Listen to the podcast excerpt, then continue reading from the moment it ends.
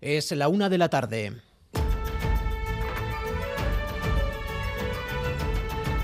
Crónica de Euskadi con Imanol Manterola.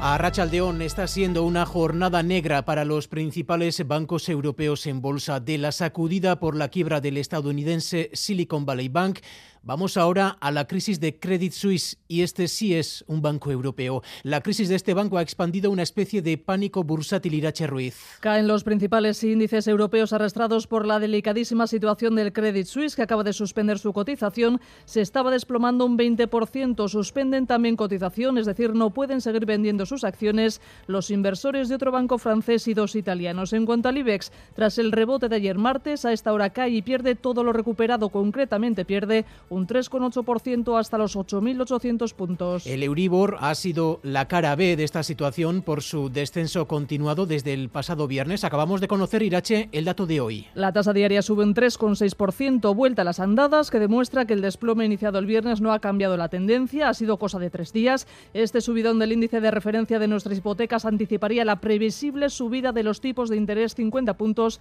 que podría anunciar mañana el Banco Central Europeo. Esa es la pregunta. ¿Qué actitud va a tomar el Banco Central Europeo en esta situación tan volátil o dicho de otro modo, si la subida de tipos de interés va a comenzar a frenarse ante esta situación. Mañana el Banco Central Europeo tomará una decisión, en principio se da por decidida una subida de tipos, lo que estaba previsto, pero habrá que ver si se atisba algún cambio en el discurso de Christine Lagarde. Eso lo veremos mañana, pero que no nos despiste el dato concreto diario, el Euribor acumula tanta subida que está suponiendo un verdadero quebradero de cabeza para tantas y tantas familias que ven cómo su cuota se incrementa de golpe perfectamente en 200 o 300 euros. Es el caso de Imanol, de un pago cómodo ha pasado a tener problemas para pagar la cuota de la hipoteca.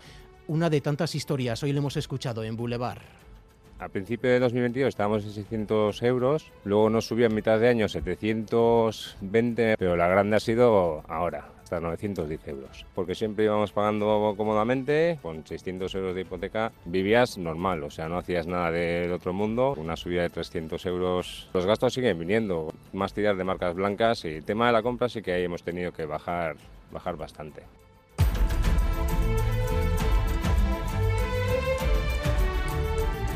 Buenas noticias para el puerto de Bilbao gracias al contrato suscrito entre la empresa Aisea Wind e Iberdrola. Estamos hablando, Ainhoa Iglesia, de 200 millones de euros. Aisea Wind Group construirá en el puerto de Bilbao para Iberdrola 50 monopilotes que serán enviados a un parque eólico marino en Reino Unido propiedad de la eléctrica. Es un importante contrato, como dices, de más de 200 millones de euros que creará 350 puestos de trabajo directos. Además, para poder afrontar esta tarea, Aisea Wind ampliará sus instalaciones en el puerto de Bilbao se ha puesto la primera piedra en un acto en el que han participado los presidentes de ambas compañías junto con el Endacari. Y la reforma de las pensiones entra en una nueva fase tras el acuerdo interno en el gobierno. Hoy esperamos que los sindicatos den su visto bueno. Pepe Álvarez, UGT.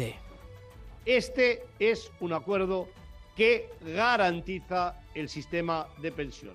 Pensar que en el año 27 la pensión mínima de nuestro país va a estar en el entorno del salario mínimo interprofesional, creo que representa un cambio sustancial bueno, ahí está una de las claves que atrae el sí de los sindicatos y Baza Madrid, las pensiones mínimas.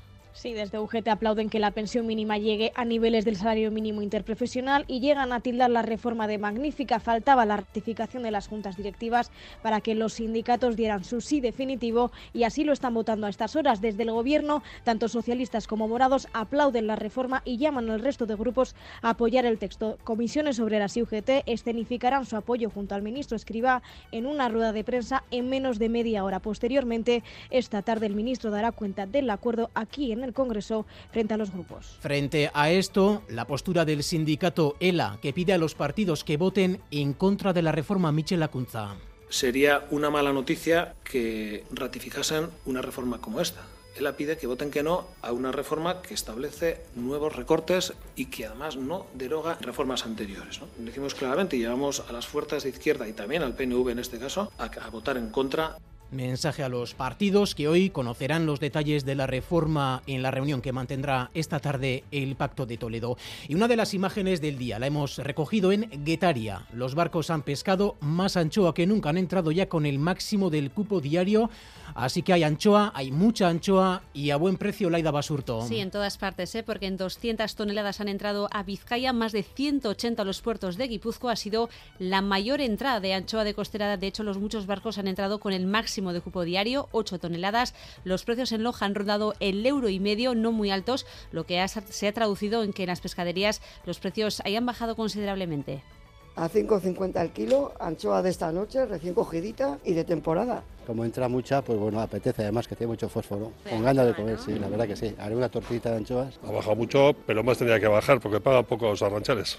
Algunos barcos de bajura también han traído algo de verdel, todavía poco, se ha subastado a dos y pico. Los arranzales esperan encontrar más verdel a partir de la semana que viene. Y nace Doñuele, la red de plazas del Euskera. Se trata de una nueva entidad que agrupa diferentes ferias, jornadas y programas en torno a la música y literatura en Euskara, como por ejemplo, y entre otras, los festivales Literaturía de Zarautz o las ferias de libro y disco vascos de Ziburu Hernani o Lazcao. Doñuele pretende tejer una red entre todas ellas para unir fuerzas, para que todas estas manifestaciones sean más fuertes y tengan más eco. Amaya Enebut, representante de Ikusi Mikusi, la Feria de Literatura Infantil y Juvenil de Sara, destaca algunos de los objetivos de Doñuele. Euskaran txezko publikoa, irakurlegoa, entzulegoa, aurraz eta heldu, indartzea dugu helburu. Euskaraz biziden sarea zabaltzea. Azokak egentagarri egitea jendetsuak eta biziak, anitzak, Euskararen komunitatearen topaliku eta ispilu. Vamos ahora con los titulares del deporte. Álvaro Fernández Cadierno, Arrachaldeón. Arrachaldeón, a la espera de lo que puedan decir esta tarde tanto Imanol como Yarzabal y Mourinho. Hoy tenemos Champions, Madrid-Liverpool 2 a 5 para los merengues en la ida y Nápoles-Eintracht, ventaja italiana de dos goles. En cesta punta presentada la nueva edición del High World Tour con seis citas, Donostia, Marquina, Garnica, Ondarribía, Bilbao y Berriatúa y en balomano cuatro partidos. Anaitasuna de Marleón en Copa y en la Liga Femenina, Valladolid Vera Vera, Betty Onac Rocasa y Gijón Zuazo Baracaldo. En cuanto al tiempo, las nubes han ido desapareciendo en su mayoría y ha quedado una jornada soleada. El viento soplará flojo y en el litoral habrá brisa por la tarde. Las temperaturas templadas y primaverales. Ahora mismo se registran 18 grados en Bilbao, 16 en Donostia, 14 en Gasteiz, también 14 en Iruña y 16 grados en Bayona. En cuanto a las carreteras, hay un autobús averiado en la N1 en Idiazábal, sentido Gasteiz. Ocupa parte de la calzada y la Ertzaintza se encuentra regulando el tráfico en este punto. Y vamos cerrando esta portada, en esta crónica de Euskadi, con una noticia que seguro en muchos hogares vascos eh, ha caído como una losa, pero Félix Linares dejará la noche del próximo 11 de abril. Él mismo lo anunciaba ayer en la emisión del programa, después de 28 años acercándonos el cine y los chascarrillos con humor y sin complejos. Seguirá con nosotros en la radio, eso sí, hemos comprobado el gran cariño que le tiene la audiencia. Sí, sus más cercanos ya lo sabían, pero el propio Félix nos ha contado que desde que anoche anunció su adiós en diferido, no ha parado de recibir mensajes.